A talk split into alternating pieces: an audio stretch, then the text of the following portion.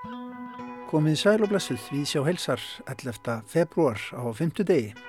Framtíðin að kófinu loknu, litlaland, snjór og bladaljósmyndun í Víðsjá í dag. Í Víðsjá í dag ætlar Herman Stefánsson reytafundur að velta fyrir sér framtíðinni að kófinu loknu. Hann hvaðist meðal annars á við franska reytafundin Michel Welbeck í Pistli dagsins Veltir fyrir sér hlutverki rítshöfunda og skoðar gamlar íslenskar róttakar hugmyndir um nýja samfélagsgerð frá þeim tímum þegar ástæða þótti til að álýta að þingræðið væri í uppnámi. Merjum þetta í Víðsjá í dag. Við ætlum líka að huga síningu Blaðaljósmyndarafélags Íslands í ljósmyndasafni Reykjavíkur og ræða þar við heiðu Helgadóttur ljósmyndara sem er í stjórn félagsins um líf og starf Blaðaljósmyndarans. Franska kvikmyndaháttíðin stendur nú yfir í Bíó Paradís en nokkrar myndir eru einnig í bóði á efnisveitunni Heima Bíó Paradís. Á meðal þeirra mynda sem síndar eru á háttíðinni að þessu sinni er kvikmyndin Littla land en hún var gerð eftir samnemndri skáldsögu eftir franska réttöfundin og tónlistamannin Gaël Faye. Leikstjóru myndarinnar er franski leikstjórun Erik Barbie en myndin var frumsýnd í fyrra.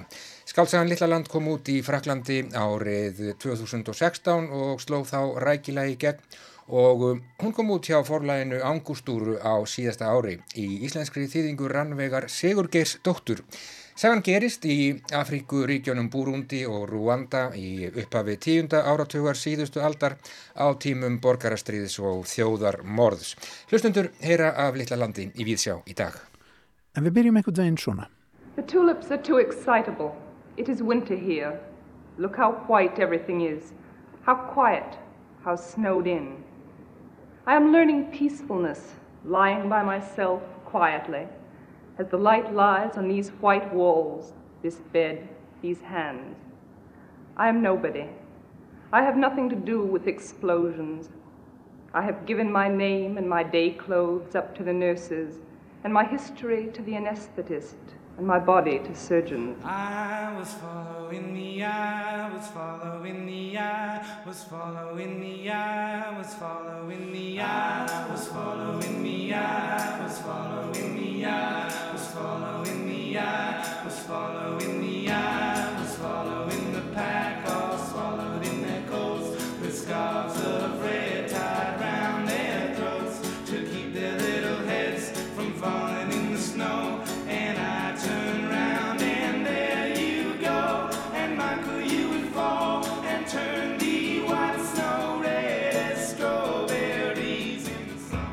Winter here. Look how white everything is. How quiet, how snowed in.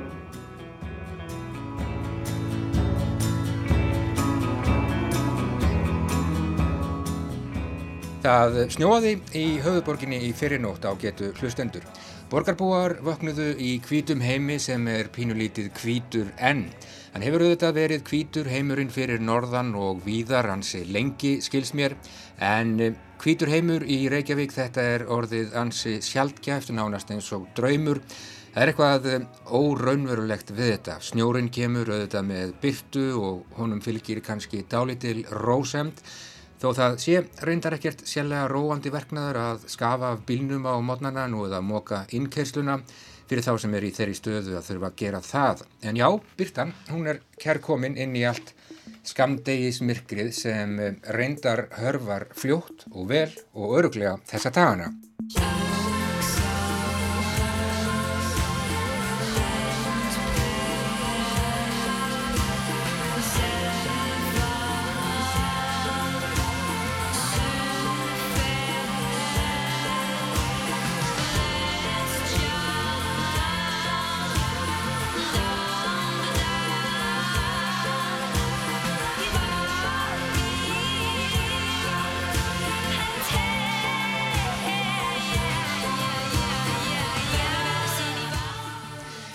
En um hvað tala menn á Íslandi í februar árið 2021? Jú, þeir tala um bóluefni, fyrst og síðast um bóluefni, einhvern veginn er maður komin á þann stað að negla ekki niður neinar dagsetningar í því samengi, menn tala um kæftasögur, þetta verður bara að koma þegar það kemur engin plön en að minnstakosti um utanlandsferðir. Sumarið kemur bara þegar það kemur og það verður bara eins og það verður. Menn tala, já, um bóluefni, frendsvæðingu framsóknarflokksins og menn tala auðvitað um skota á rásina á bíl borgarstjórans í Reykjavík. Þátt af þessu er eh, sérlega uppörfandi ágætu hlustundur og því lífsnöðsynlegt eiginlega að koma sér upp afdreipi, opna dyr að öðrum heimum, maður kemst ekki burt en maður kemst samt burt. Sjálfur hef ég leið síðustu kvöld í Karamazov bræðrunum eftir rúsneska réttufundin Fjótor Dostojevski en þýðing Ingi Bergar Haraldsdóttur á þessum magnaða verki var endurútgefin nú á dögunum eins og framkom hér í Víðsjá á mánudag þegar við rættum við Gunnar Þorra Pétursson um verkið.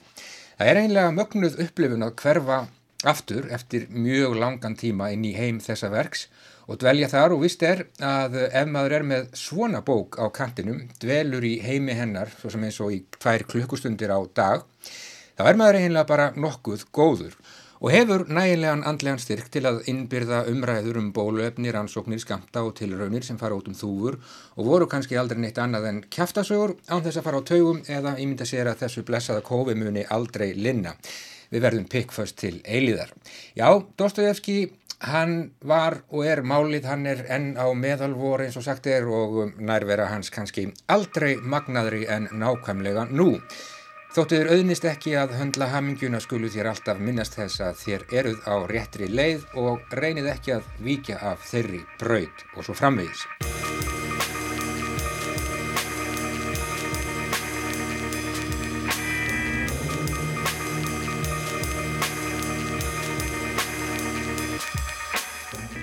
Kannski eru bókmyndirnar þegar upp er staðið bara langt besta bóluefnið á getur hlustendur og já, hugurinn leitar til Rúslands nú þegar februar er bráðum hálnaður og við lifum í kvítum heimi. Skaldsagan Kósakarnir eftir Leo Tolstói hefst í íslenskri þýðingu Jóns Helgarssonar frá árunnu 1961 á þessum orðum Kyrð ríkir í Moskvu, aðeins endrum og sinnum heyrist vagni ekið eftir snæfi drifnum gödum, hvergi er glæta í glukkum og göduljósin eru döf. Og svo við höldum áfram að vitna í hérna stóru, kannski þá allra stærstu, nú er minn tími kominirkir. Rúsneska 19. aldarskáldið Aleksandr Puskin í ljóði sem reyndar heitir í íslenskri þýðingu Helga Háldánarssonar Haust, en fjallar líka um veturinn, aldrei elskað ég vorið, dáðlösa, þýðu, fúlt svað, yrkir Puskin. Ég sjúkur á vorin, blóð mitt fer afvega, önd mín er þjáð af erðarlausri kvöl, en Vetrinum uni ég vel, ég ann svipköldum snæbreyðum í mánaskinni. Púskinn yrkir líka í hvæðinu um angurblíða daga, indi, dreymandi augna blóð sem ólmast af gáska um hjartað og hann kveikir angurvæður upp í arninum, nú er rétti tími til þess En frá arninum glemta sem vaknar upp við nýjan eld leggur skert skinn eða dauvan bjarma, púskinn líkur hvaðinu með þessum orðum ég sökku mér löngum í lestur, svo gæli ég lengi við drauma, djúft í minni sál. Já, ágætu hlustendur, ekkert varð af bóluefna skömmtum fyrir heila þjóð á heimsenda, en þetta er áfalla hjálpin bóluefnið sem við bjóðum upp á í kvítum heimi í Víðsjá í dag, og sannir til það blífur. It is winter here. Look how white everything is. How quiet, how snowed in.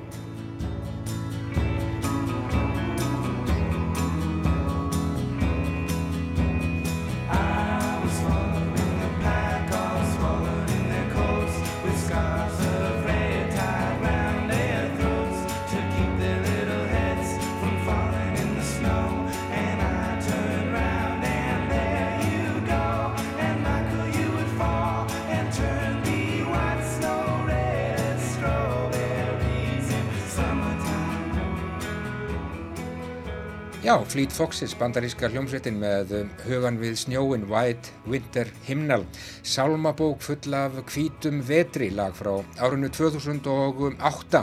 Við heyrðum hér líka áðan í Silvíu Plath bandaríska ljóðskaldinu, hún las úr ljóðu sínu The Tulips er vetur hér og svo framvegis ljóð sem plað orti árið 1961 og kom út í ljóðasafninu Ariel árið 1965 fáinn orðum Kvítanheim, bóluefni, áfallahjálp og sitt hvað fleira. En þá, ágæti hlustendur, skiptum við beinustu leið niður í miðborg Reykjavíkur, nána tiltekið niður á Bjarkarstíg. Þar situr Herman Stefánsson réttufundur og hann hugsar og skrifar um framtíðina, nánar tiltekið um framtíðina að kófinu loknu.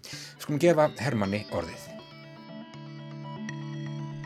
Franski rithöfundurinn Michel Houellebecq var ekki lengi að slá sem kaltænast á bjart sínastu gillivonir umhverfi sinna og líraði sína í upphafi faraldurs. Eftir COVID verður allt nákvæmlega eins og áður, saði Houellebecq, bara aðeins verra. Ímislegt bendir til þess að það getur einst rétt. Hagfræðingar keppast við að spá styrstu kreppu sögunar, umhverfisbálinn eru glemt, siðferðislegar og pólitískar tilvistarspurningar lekja í láginni, mara einhverstaðar undir niðri. Fólk var fljótt að venjast afbröðulegu ástandi, það venst allt. En samt, þetta hefur verið of óvinnlegt ástand til þess að það sé réttlætanlegt að reyna ekki að draga að því lærdóma og láta sér dreyma um framtíðina. COVID hefur leitt í ljós að kreppuð þingraðisins á Vesturlöndum getur fyllt mikið tröst á sérfræðingaveldi.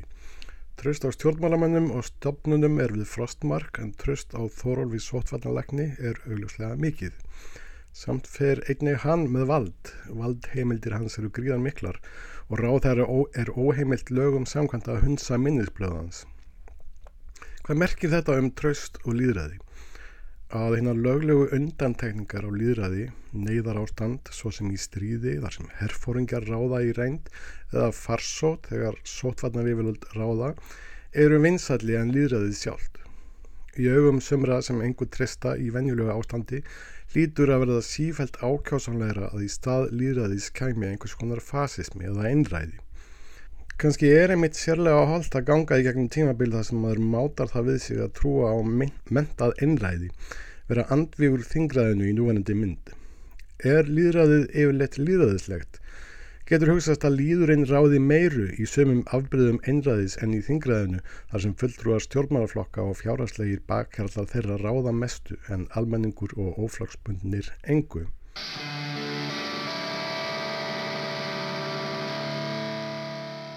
Mér langar að gera svo hátembraður að spyrja um hlutverk reithöfunda, listamanna í þessu samhengi. Því ef þeir hafa ekkert hlutverk, af hverju er þá verið að borga þeim? Af hverju eru þeir þá yfirleitt til? Hví þá að þvæla þeim í gegnum umhverfi samkeppni og sölumensku í þjóðflægi sem vaflítið hefur komið listinni að mörguleiti í uppnám? Og að því að ég er ekki í samræðu við neitt, neyðis ég til að svara sjálfa mér og það verður bara að hafa það ef ég geng um með grillur.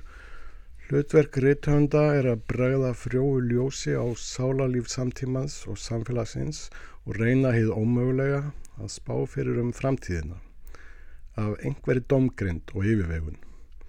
Það er fátt sem betur til þess að tröst á stjórnmálum munu aukast eftir COVID Flest bendir til þess að þegar jafnvel eru gerðar skotar á sér og skrifstofur stjórnmálaflokka og bíl stjórnmálamanns muni gjámillir þings og þjóðar ekki vera setningum afmarkaðar aðstæður heldur lýsing á viðverandi og síversnandi ástandi.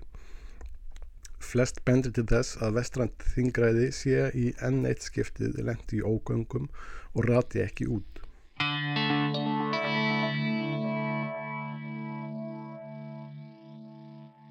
Næsta haust verða kostningar á Íslandi. Í stóra samhenginu skiptir ekki máli hver niðurstaða þeirra verður. Það eru enga líkur á að þær leiði til þess sama og greppa þingraðisins leiti til í bandaríkunum fyrir fjórum árum að maður á borðu við Donald Trump fái álíka vald og hann fjekk. Þvert að móti er sannilegt að það hafi verið COVID sem leiti til þess að Trump fór frá völdum nú nýverið. Hver segir svo að í COVID-19 get ekki fælist möguleikar?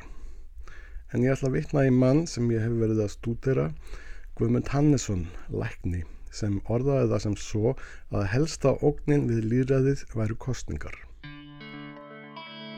Það kann að hljóma eins og ólíkindalæti, býræfni. Hann var sem sé á þeirri skoðun á áránum eftir fyrri heimstyrjöld að þingræði væri í kreppu og að Íslandingar ætti að skila einhverju af öllu því sem þeir eru þegið af menningu heimsins tilbaka með því að gera líðræðishugmyndir að útflötingsvöru sinni. Að Íslandingar í sínu smáríki væri nógu merkileg þjóð með nógu merkilega hefð til að geta hugsað sér leið út úr ógöngunum sem er einmitt heiti bókar eftir hann sem ber undirtitilinn Hvað kemur í stað þingraðisins. Hann var til í að aðtuga allt, skoða allt á afmarkuðum svæðum vildan til dæmis meina að hann mætti prófa að veita aðeins konum kostningarétt. Það var árið 1920. En af hverju eru kostningar hættulegar líðræðinu? Fælst ekki í því þversögn? Eru ekki kostningar einmitt framkvæmt líðræðisins? Jú, en framkvæmdinn er mismjöðandi. Kostningabaráta í flokksböndinu þingræði er vinsaldakeppni sem gengur mikið til út á að hver stjórnmálaflokkurinn demoniserar hinn. Við erum góðflokkur, hinnir flokkarnir eru vondir.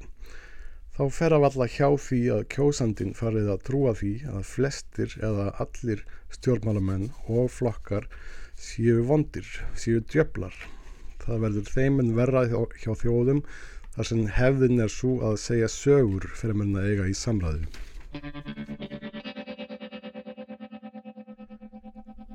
Segjum sem svo að þessi lærdómur hér væri dregin af kófinu. Það gekk svo vel að veita svottvarnalækni mikil völd í neyðarástandi að við skulum taka upp þá nýbreytni að lýsa yfir neyðarástandi í loftslagsmálum ekki bara til þess að vera með þykistulæti og gera svo ekki neitt, heldur til þess að breyta fyrst þjóða eðli embættis umhverfisráðherra og veita honum stórkværslega völd, eitthvað í ættu völd soktvarnalæknis, náttúrulega allræði. Umhverfisráðherra getur ráðið úrslutum í hvaða máli sem tengist loftlasmálum, sem eru all mál, og honum berið að senda minnisblöð sem ráðherrar verði skildugir til að fara eftir umhverfisráð verði ekki kosin heldur skipaður og kannski æfir á þinn ef hann verður ekki kosin burt. Hugmyndir á skildum nótum hafa verið rættar í nokkur ár á norrannu þingunum.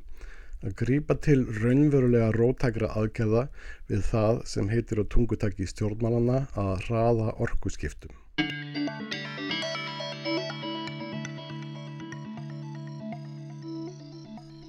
Á alþjóða vettvangi vita umhverfið sinnar osku vel að þingin hafa ekki róð við oljustórfyrirtækjunum. Ég vil þótt fyrirtæki í bandarækjunum fari á sveg við þarlend lög eru alþjóðalög sem veitað í skjól. Til hvers að kjósa á samkundu sem ekkert getur gert? Skiljaðlega getur þótt falsvonum ílskára að orna sér við tilöksununa um að stjórnmálamenn séu ílskunar anskotar sem ekkert gott eigi skilið Í andrúslátti vantröss er demonisering ekki bara mest samfærandi málfræðningurinn, heldur líka eina leðin til að ná máli, við eða hinnir.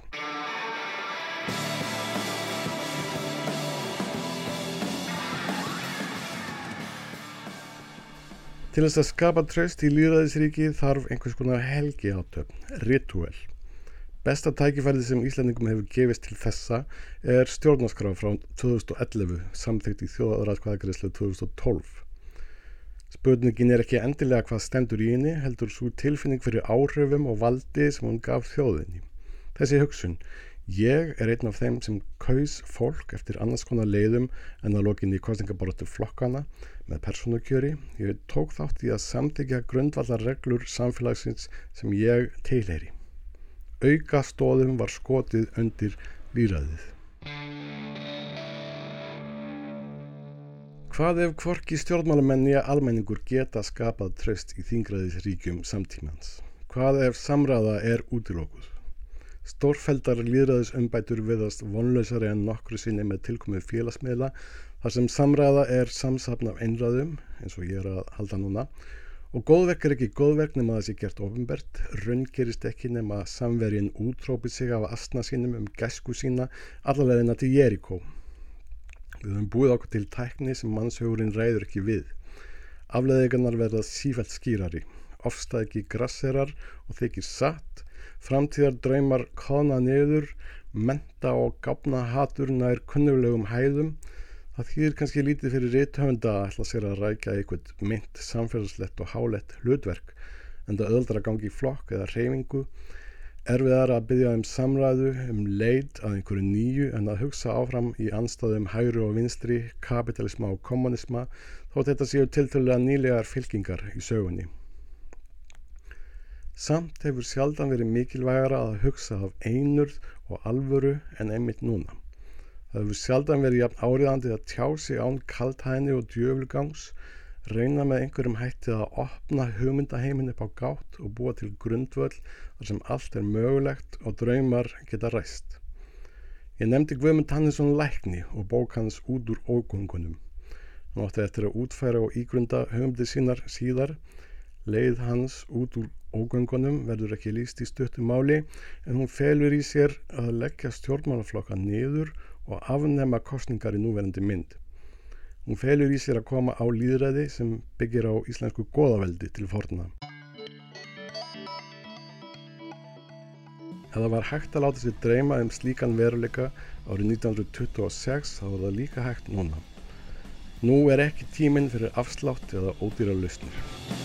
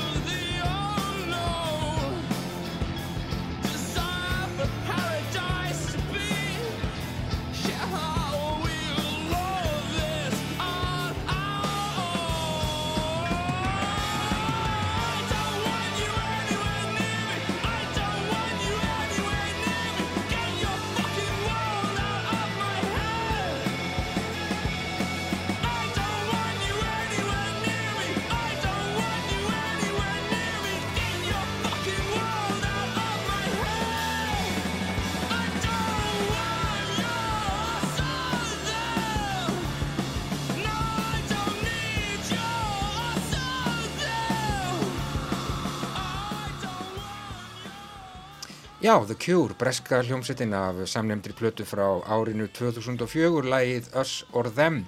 Það var Herman Stefánsson, reytufundur, sem velti þarna fyrir sér framtíðinni að kófinu loknu hér í Víðsjá á 5. degi. En e, þá förum við til Fraklands og við förum til Afríku.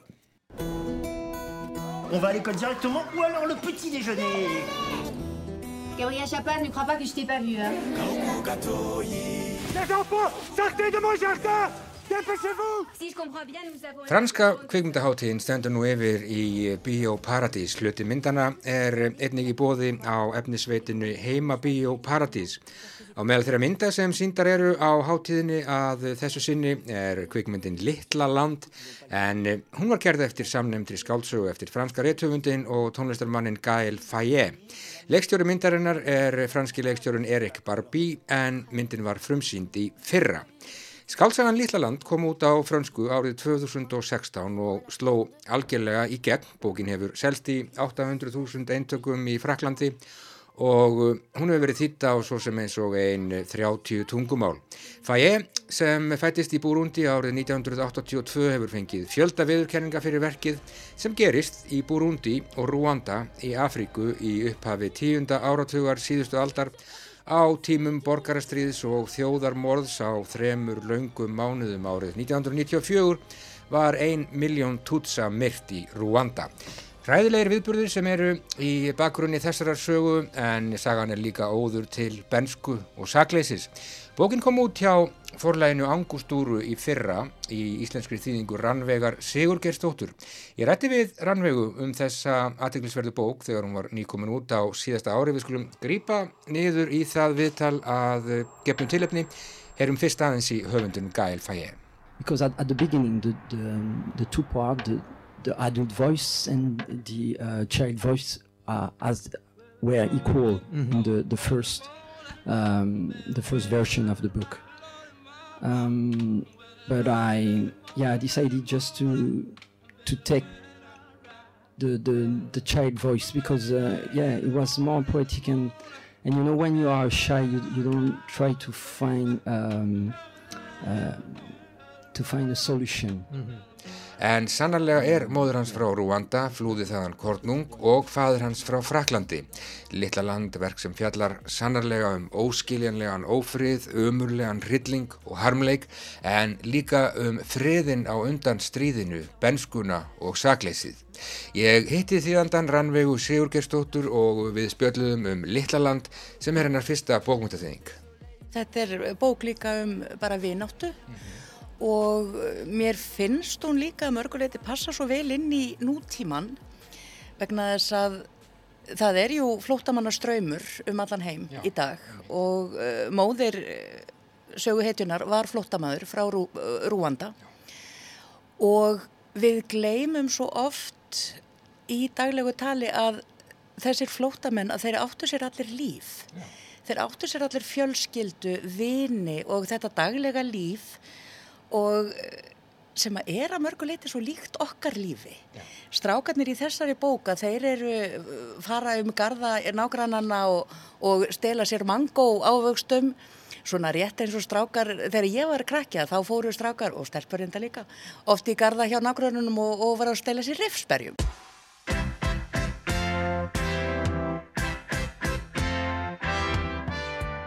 Þetta er svona einum þræði, já, drengja saga. Þeir eru þarna uh, saman nokkrir, búið þarna í botlanganum og já, koma sér fyrir þarna í Volkswagen rúbrauði þar sem þeir, uh, já, hlusta á Peter Toss, reykja útýrar síkarettur og södra bjór og fara svo út að stela mangói. Uh, þetta er bók, já, um sannarlega stríðið og ófriðin sem var algjörlega hræðilegur þarna en þetta er líka bók um, hvað ég að segja, kvundaginn og, og friðin á, á undan, undan stríðinu. Já, já, algjörlega. Og eh, svona hvernig líka barnið eh, upplifir þessar breytingar sem er að verða í þjóðfélaginu. Þessar erfiðu breytingar og eins og kemur fram þarna í byrjun bókarinnar þegar að, að hann er að lýsa því hvernig pappa hans reynda að útskýra þennan ófrið fyrir honum. Og hann, eh, drengurinn spyr svona, já, ok, þannig að Tutsar og hútuara, þeir tala ekki sama tungumál. Jú, jú, þeir tala sama tungumál.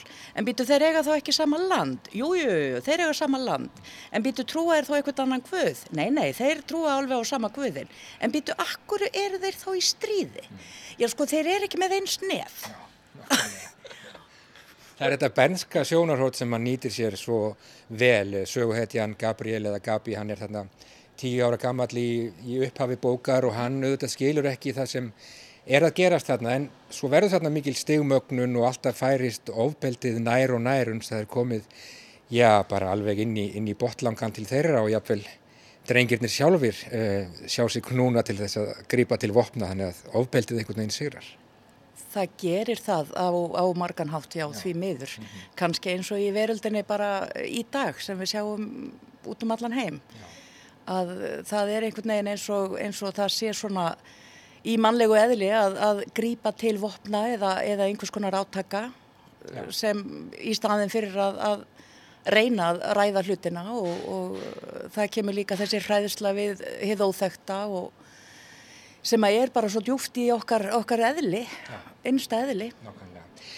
Uh, Söguhetjan, hún elst upp þarna með sýstur sinni, yngri sýstur og já, foreldrum, móðurinn hún er frá, frá Rúanda, fadurinn franskur og þetta er bara velsett fólk, fadurinn er svona, já, aðtapnamaður, svona, pálmaoljuversmiða sem hann, sem hann setur upp þarna og já, þau lifa uh, svona frekar frekar friðsælu lífi en svo dregur heldur betur til tíðinda og já, harmurinn knýr dyr og þá ekki síst í, í fjölskyldu móðurinnar sem að já, flúði frá Rúvanda bara fjögur ára gömul 1963 og, og fer ekki þangað aftur fyrir en þarna um, á sögu tíma þessarar bókar 1993-4 og um, hennar saga og hennar fólks, uh, hún er hræðileg.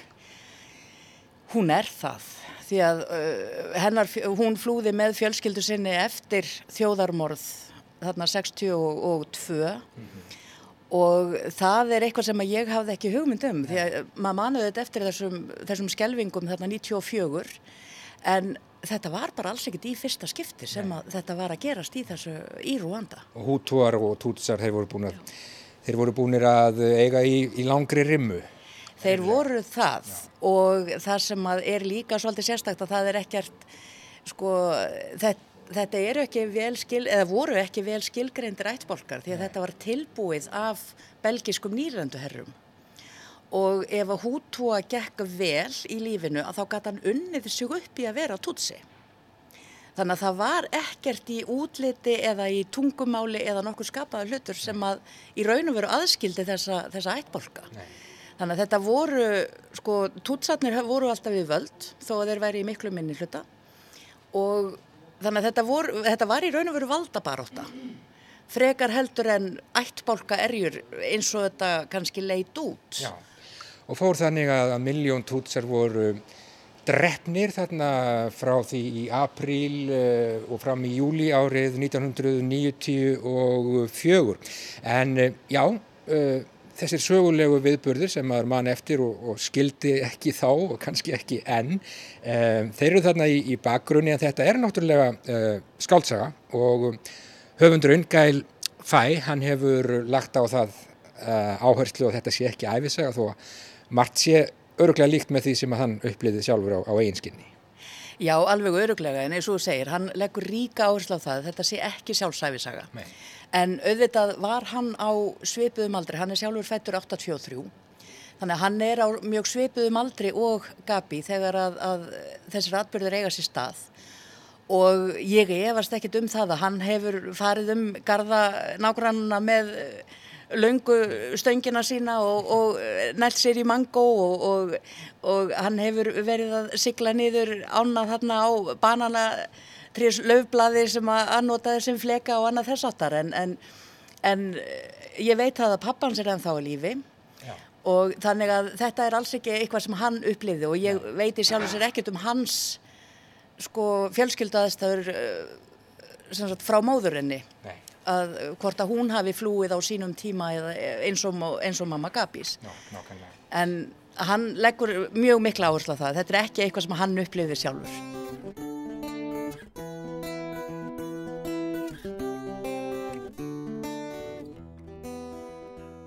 Og hann segist vera að skrifa um uh, já, benskuna og sagleysið og kynþætti um, sömulegðis um útlegð og þá ekki endilega útlegð frá, frá heimalandi sem hann þekkir á eigin skinni heldur heldur útlegð frá um, benskunni og þessum bensku heimi sem hann lýsir raunar mjög fallega í þessari bók. Hann gerir það, lýsir þessu ofsalega fallega og það er svo sjálfgeft líka sem að við fáum fregnir af svona þessu daglega lífi Já. í Afríku og einmitt þegar hann segir að, að hann upplifi í sjálfu sér frekar útlegð frá benskunni sem við upplifum öll. Mm -hmm. því að við erum jú sem erum orðum fullorðin að, að við komumst ekki aftur til benskunar ekki séns. Það er ekki fræðilegu möguleiki þannig að þetta er búið að fallegt að útskýra þetta svona að, að þetta sé útlegð frá benskunni. Já, nákvæmlega. Og hann uh, hefur líka sagt í viðtali að um, að stríða þau sem er nú kannski daldið uh, góður bóðskapur að stríð þau brjótist ekki út bara allt í einu þau eigi sér langan aðdraganda til dæmis bara í því hvernig við tölum saman, hvernig við umgöngumst hvort annað og, og það í þessu sem maður getur hugsað um núna Algjörlega það er, og maður sér það bara allstaðar hvort sem það er á Facebook eða í kommentakerfunum mm. eða í aðsendum greinum hinga og þangað út um allan heim því miður er þetta koma mikið upp í Evrópu og, og tölum ekki um Bandaríkinu og Brasilíu. Þannig að þetta er eitthvað sem við þurfum að hafa í huga. Já. og við verðum að læra af sögunni. Mm -hmm. Þessu leiti er þessi bók bara mjög tímabær. Já, mér fannst það. Og ég heitlaðist algjörlega af henni þegar ég las hana fyrst og, og hef aldrei lendið í áður. Ég kláraði bókina og stóð upp, settist í tölvun og byrjaði að þýða. Já, vel gert. en við skulum nú ekki rekja allan þráð þessarar bókar. Við getum sagt þó það að um, ofbeldi það fer já, alla leið inn í hverfið og inn í tilveru þessara ungu pilda með tilherandi afleðingum.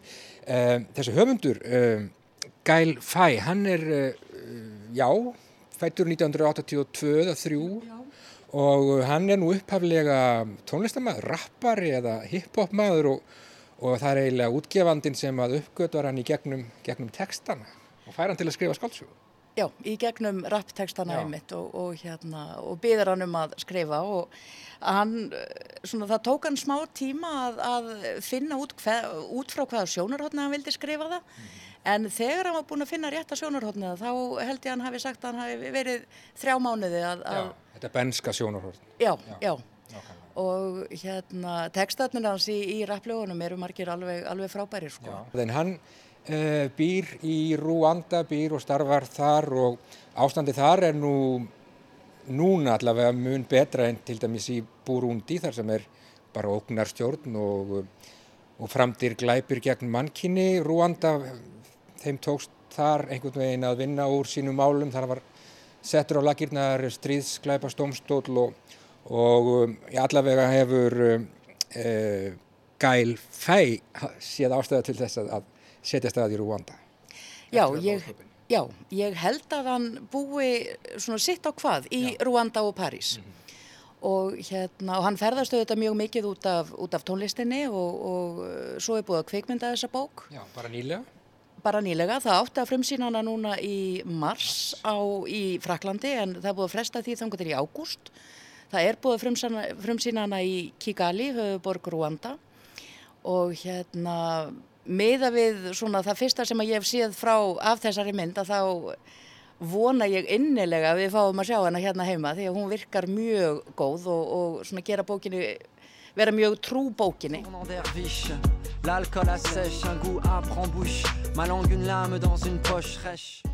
Já, rítuðundurinn og tónlistarmadurinn Gail Fæ hér með lag frá árunni 2019 Frönsk kvikmyndaháttíð í Bíóparadís þessa dagana. Kvikmyndin Littlaland verður næst sínt í Bíóparadís á morgun. Og því má við þetta bæta að bóðið verður upp á bókaspjall í tengslum við síningumyndarinnar með þýðandanum rannvegu Sigur Geirsdóttur og einning með fulltrúum forlagsins Angústúru í húsnæði Alliance Française sömulegðis á morgun klukkan 20.30. Þetta viðtal við rannvegu var áður á dagskraf hér í Víðsjá í april í fyrra.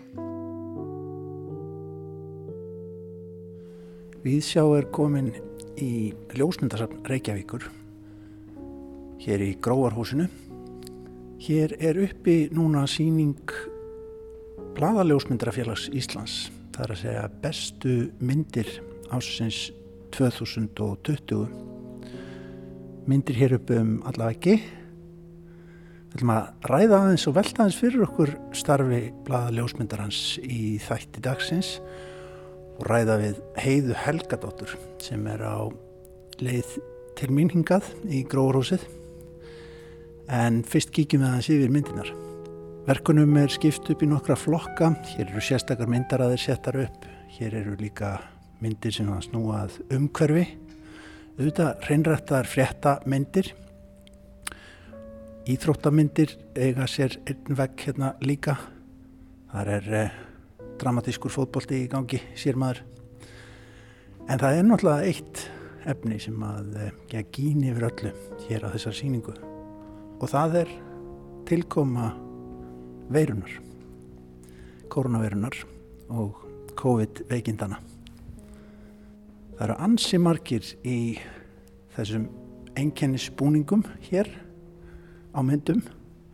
Helbiðstarfsfólk að setja á sig hlýðarbúnað að eh, taka síni, flytja til sjóklinga eftir kunstarnareglum auðvita, því að það er auðvita frétt ársins 2020 umfram allar allar aðrar. Svo er hér þungbúnir eh, stjórnmálumenn og vísindamenn á mörgum myndum. Og yfir þessu auðvita frekar alvarlegur blær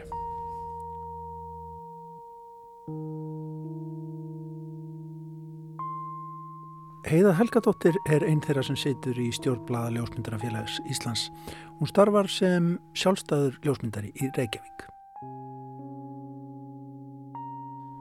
Sko heiða, hérna, hvernig fer þetta fram að þið ljósmyndarnir, þið sendið myndir ykkar inn er það ekki og domnend tekur við fer yfir.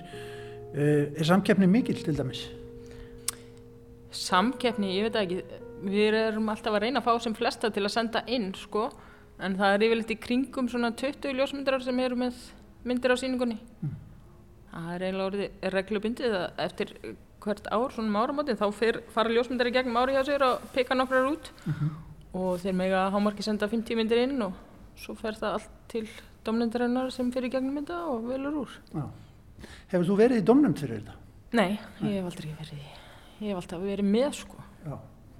Það maður er annarkort með, maður getur náttúrulega ekki verið begja með bors. eða? Nei, það, það er ekki hægt. Nei, nei. Af því þetta er nú svona mismunandi flokkar hjá ykkur uh, á þessari sýningu. Ég menna það eru íþróttamyndir sér, það eru umhverfi, er einn flokkur, uh, manngert og, og náttúra og svo eru auðvitað fréttaraðirnar, uh, myndaraðir og svo stakar fréttamyndir. Sko, eru mismunandi lögmál eftir því hverju maður er að taka? Ég menna, maður sér til dæmis að, að íþróttamyndirnar eru svona, það verður að leita dramatíkinni þar. Mm eru mismöndi lögmál í þessum flokkum eftir í, hva, í hvað maður er beðin um að fara á hvernig tíma. Lögmál, ég held að þetta snúist allt um það sama, að tengjast fólkinu á myndunum og já, finna samhljóm með því. Það bara er það sem þetta snýst um í öllum flokkum held ég. Já. Það verða að vera tengsl milli okkar sem að horfum á og þeirra sem er á myndinni. Við verðum að skilja myndina eiginlega. Ekkit endilega, það er líka gaman að myndu sem að vekja upp spurningar sko, það er mjög gaman að þeim og bara hvað er í gangi hér, ég skilja það ekki. Já. En hérna, já, bara að myndin vekja upp einhver hughrif og fá fólk til að hugsa og svona, það er, það er gott verk. En þe þessi síning, hún er auðvitað náttúrulega þannig að maður sér að það er eitt stort atriði sem að svona, skín í gegn. Það er rosalega margir í einhverjum grænum skrýtnum búningum með það á Akkurat. þessum myndum. COVID hefur náttúrulega tekið aldrei líf okkar yfir og það auðvitað endurspeglast í svona, svona hérna, síningu. Auðvitað endur speklast það, þetta var náttúrulega stórmerkilegt ár í fyrir á margt mjög skrítið að gerast og auðvitað endur speklast það í fréttamyndum ársins sko. Já. Það er bara óhjákamilegt. Þetta er dramatískt myndefni. Já, þetta er svolítið dramatíst sko, ég verð að segja það, þetta er kannski með dramatískari sýningum okkar sko. Þannig sé. og það er eitthvað með þessa grænu búninga sem okkur finnst pínlítið já, einkennlegt ennþá eða ekki, við erum ekki alveg að venjast þessu. Nei, nákvæmlega, þetta er ennþá svolítið framandi sko og vonandi munum við aldrei venjast þessu að að þetta er, þetta á að vera framandi. en maður tekur eftir einu hérna á þessari sýningu að það eru mörg andlit. Manni finnst þetta já, kannski eru andlit svona stóri efniviðurinn hjá frétta ljósmyndurinn það skiptir allir máli að ná góðum andlitum Það er algjörlega þannig sko. Þannig að það er það sem þjóðfélagi snýst um, það eru personunar í þjóðfélaginu, það eru fréttinnar sko. Það er fólki, það eru andlitin. sömu menninni skjóta stundum upp kolli. Það er sömur eru myndrætni en að, aðrir. Ég bendi hérna um leið á, á Kára Stefánsson sem er alltaf án á tveimu myndum hérna. Er náttúrulega, Já, sumir hafa líka te- tekið meira pláss í þjóðfélagsumræðinni á senast ári eins og hann sko. akkurat. Það er bara þannig. Og svo er hann gott andlit. Já, já, myndrænt andlit. Já. Og þetta er heimilisvinir, hérna er til dæmis frábær mynd af, af hérna, Þórólfi sótarnarlækni, þar sem hann stendur fyrir fram að glæru, og, sem sagt, glæru, glæran varpast á andliti á honum og hann verður einhvern veginn almannavarnar hérna, bara kerfið. já, mjög skemmtileg mynd og já, svolítið undir speiklar. Endur spekla þetta. Ég ætla aðeins að fáðast til að standa upp og skoða eina mynd með mér sem að þú tókst, sem er hérna í sama flokki, mynd af fórsætisráðuranum og öðrum hérna, heimilisvinum, Ölmu Möller og, og hérna, Víði, sem að standa á baka hana. Manst eftir hvernig, vissur þú strax að þessi er í góð Vissi ég strax. Já, þegar þú tókst hana?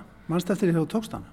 Um, já, já, Sko er það þannig að þú... það er yfirleitt þannig, Já. það er alveg rétt hjá þér sko. Maður veit yfirleitt ef maður nær góður mynd. Það er bara, já, ég er með hana. af því að þetta hefur auðvitað breyst svo mikið í hérna stafrænu Mm stafræna kerfinu öllu Já. þið, skjótið ekki bara úr skjótið og, og, og, og farið yfir það, það gengur ég ekki upp að gera það. Gengur valla upp sko. Þannig að þú veist, maður er að horfa hvað er að gerast og maður veit ef maður nær góðu mómenti en stundum kemur líka óvart þegar maður fer í gegnum tölvu, hérna, myndunar í tölvunni eftir á. Bara herðu, ég var með góða mynd. Sko. Já. það er mjög skemmtilegt að það gerist líka. Hér eru þau líka, það er svona pínulítill eiginlega trúarlegur undirtótni í þessari mynd, lístin aðeins fyrir okkur?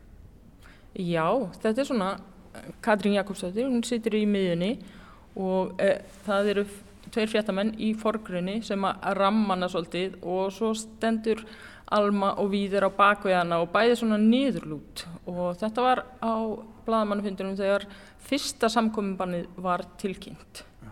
og já, ég kannski les myndatextan hérna já. Þar sem að stendur þau tímamót hafa orðið að sóttvarnarlegnir hefur sendt helbriðisráð þeirra tillögu um samkominnbann Þetta er í fyrsta skipti í líðveldisögunni, saði Katrín Jakobsdóttir fórsettir ráð þeirra á bladamannafundi þar sem tilkynnt var um samkominnbann frá 15. mars til 12. april. Já, einmitt og það er nánast eins og þau séu að beða bænina sínar. Já, akkurat. Þegar þau halda pínlítið öll, öll höndunum á sveipaðan hátt og þetta er náttúrulega mikil andakt yfir þessari mynd. Einmitt. En þú eru hugsað, klikk, þarna kom hún.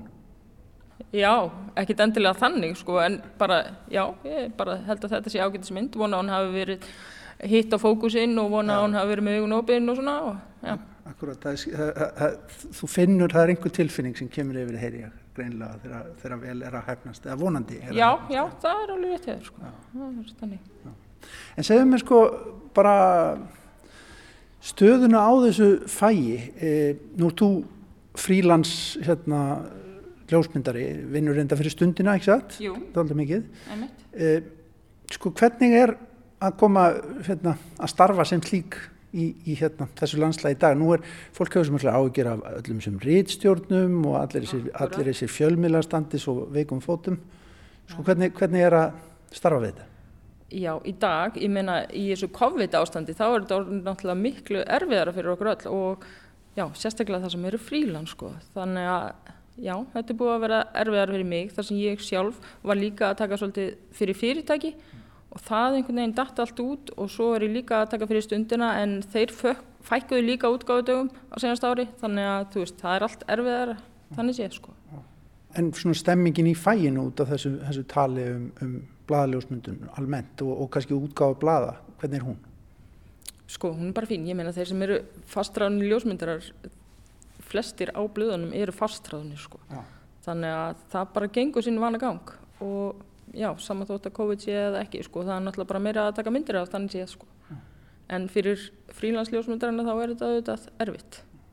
Svo sagður mér að þú, ert ítaldið spennandi verkefni þess dana sem að hérna eru allt annar átt. Já, akkurat. Uh, Þjóðmjörnsafni reyði þess að þrjá ljósmyndira til að dokumentera COVID-faraldurinn á Íslandi og ég er svona búin að vera að fara um all land og reyna að mynda faraldurinn frá öllum sjónarhóttnum það er búið að vera mjög spennandi og ég er akkurat í því að skila því núna. Þú fær bara frjálsar hendur til að horfa þetta úr, úr öllum mögulegum mátum Já, akkurat. Hvernig hérna upplifir þú breytinguna að, að vinna í þessu ef við tölum áfram um COVID breytingina að hérna að vinna í því umhverfi? Þið, þið þurfuðu þetta að fara að vallega líka þegar þið eruð á vettfangi og, og annars líkt ekki satt? Frétta ljósmyndarinn þið eru oft ofan í, ofan í atbyrðunum þegar, þeir eru gerast ekki satt? Akkurat, því, því nær sem maður er atbyrðunum því betri myndir fær maður, það er bara þannig sko. Það er mjög leðilegt að maður þarf að vera eitthvað langt í byrtu og nær ekki nógu góða myndum að einhverju flottu sko. Það er auðvitað búið að herða á aðgangi, er það ekki? Jú, það, það hefur verið svolítið í umræðinu hjá okkur bladaljósmyndurum núna að á seinasta ári þá voru, þá voru margt sem við gátum einfallega ekki myndaða því við fengum ekki aðgangaði ég meina ég nefnir sem dæmi hérna fyrsta bólusendingin, ég sé á myndina af henni sem Vili tók bara á tölfunni heima hjá sér að því við máttum ekki fara að mynda fyrstu bólusendinguna já, já. En þetta er auðvitað, þetta með aðgangin það, það skiptir miklu máli, þið þurfum að vera á, á, á hérna á tónnu með það að fá að koma að hlutunum, ég meina það hlýtur að vera nokkur svona stjætta vitund hjá okkur, hvað þetta var þar? Ég meina það skiptir bara höfumáli að skrásetja sögu Ísland, að fá að vera á staðnum og fá fag aðila til að skrásetja söguna sko, mm. það bara, það skiptir höfumáli. Mm. Hvernig leytist þú út í þetta hérna, fag? Herri já, þetta er nú skemmtileg spurning. um, ég var sérst að læra myndlist í FB og tók þar einn ljósmönda áfanga og bara eftir það þá hafði ég miklu meira áhuga á ljósmyndun og svo bara einhvern veginn leiti eitt af öðru. Ja. já, ég sérst, ég var beðin um að mynda fyrir stúdendablaðið ég var að mynda svo mikið að leika mér. Og eitt strákur sem var að mynda fyrir stúdendablaðið hann spurði hvort ég vildi ekki taka þetta því hann var að flytja út og ég gerði það. Og svo var ég búin að vera að mynda fyrir stjórnublaði þá fikk ég e-mail frá honum sem var yfirmaður á ljósmyndelt fréttablaðsins á þeim tíma og spurði hvort ég vildi koma að hitta sig og ég fór að hitta hann og hann sagði hann fannst svo sniðu myndir sem ég tók af fórsíðinu á stjórnublaðinu Ja. og hérna spurði hvort ég væri til ég að prófa að taka aukavaktur í aðeim ég bara, japp Já. og þannig bara gerðist þetta, svona ósýlart Hvað með nám síðan? Ferðu síðan í það síðan meira eða hvað? Já, ég hafi mikið áhuga á svona að dokumentera hluti og mér langaði svo að læra að gera góðar svona myndaserjur og bara fylgja eftir fólki og ná að dokumentera sögu fólk sko. og mér var búið að dreyma lengi um að fara í hennar skóla í Danmarku, hann er mjög góður sko og svo bara gerðist það, ég tók mér eins ás frí frá vinnunni og fór til Danmarkur og lærði þetta og sé alls ekki eftir því, það var frábært nám. Hvað var það sem það opnaði þér? Bara að læra að gera myndaseríur og tengjast fólki og raða sama myndum og hvernig er best að segja söguna og já, Er það skemmtilegast að, að sagt ná að gera seríu, að ná að byrta meir en eina mynd? fyrir mér er það skemmtilegast. Já. ég elska að byggja upp svona segja sögur með myndum í fleiri en einni mynd sko, þá kemur svona söguþráður og smá svona. Já, ég hef mjög gaman að því. En hvað er það sem heillar við, við þetta starf? Það er bara um, að vera í flæðinu. Ég myndi segja það. Þegar maður getur glemt sér bara á baku myndavælinu og er bara að horfa í gegn og reyna að finna bestu vinklana og, og besta ljósið og svona þá getur maður bara glemt sér einhvern veginn í flæðinu og ég held að það sé sem allt snúist um fyrir alla sem hafa gaman af einhverju að vera í flæðinu í því sem þeir hafa gaman af. Týna sér pínlítið um stund. Akkurat, nákvæmlega En síðan hlýtur að verða alltaf góð tilfinning þegar þetta kemur á prenti eða á VF eins og í dag, náttúrulega er í dag og, og, maður hugsa, já, þessi var góð. Já, akkurat, það er auðvitað alltaf gaman að skila af sér góðu verki, sko, sem maður er svona sáttur við. Það er loka tilgangurinn. Hjá okkur öllum. Akkurat. Takk kærlega fyrir spjallið. Takk sem þess.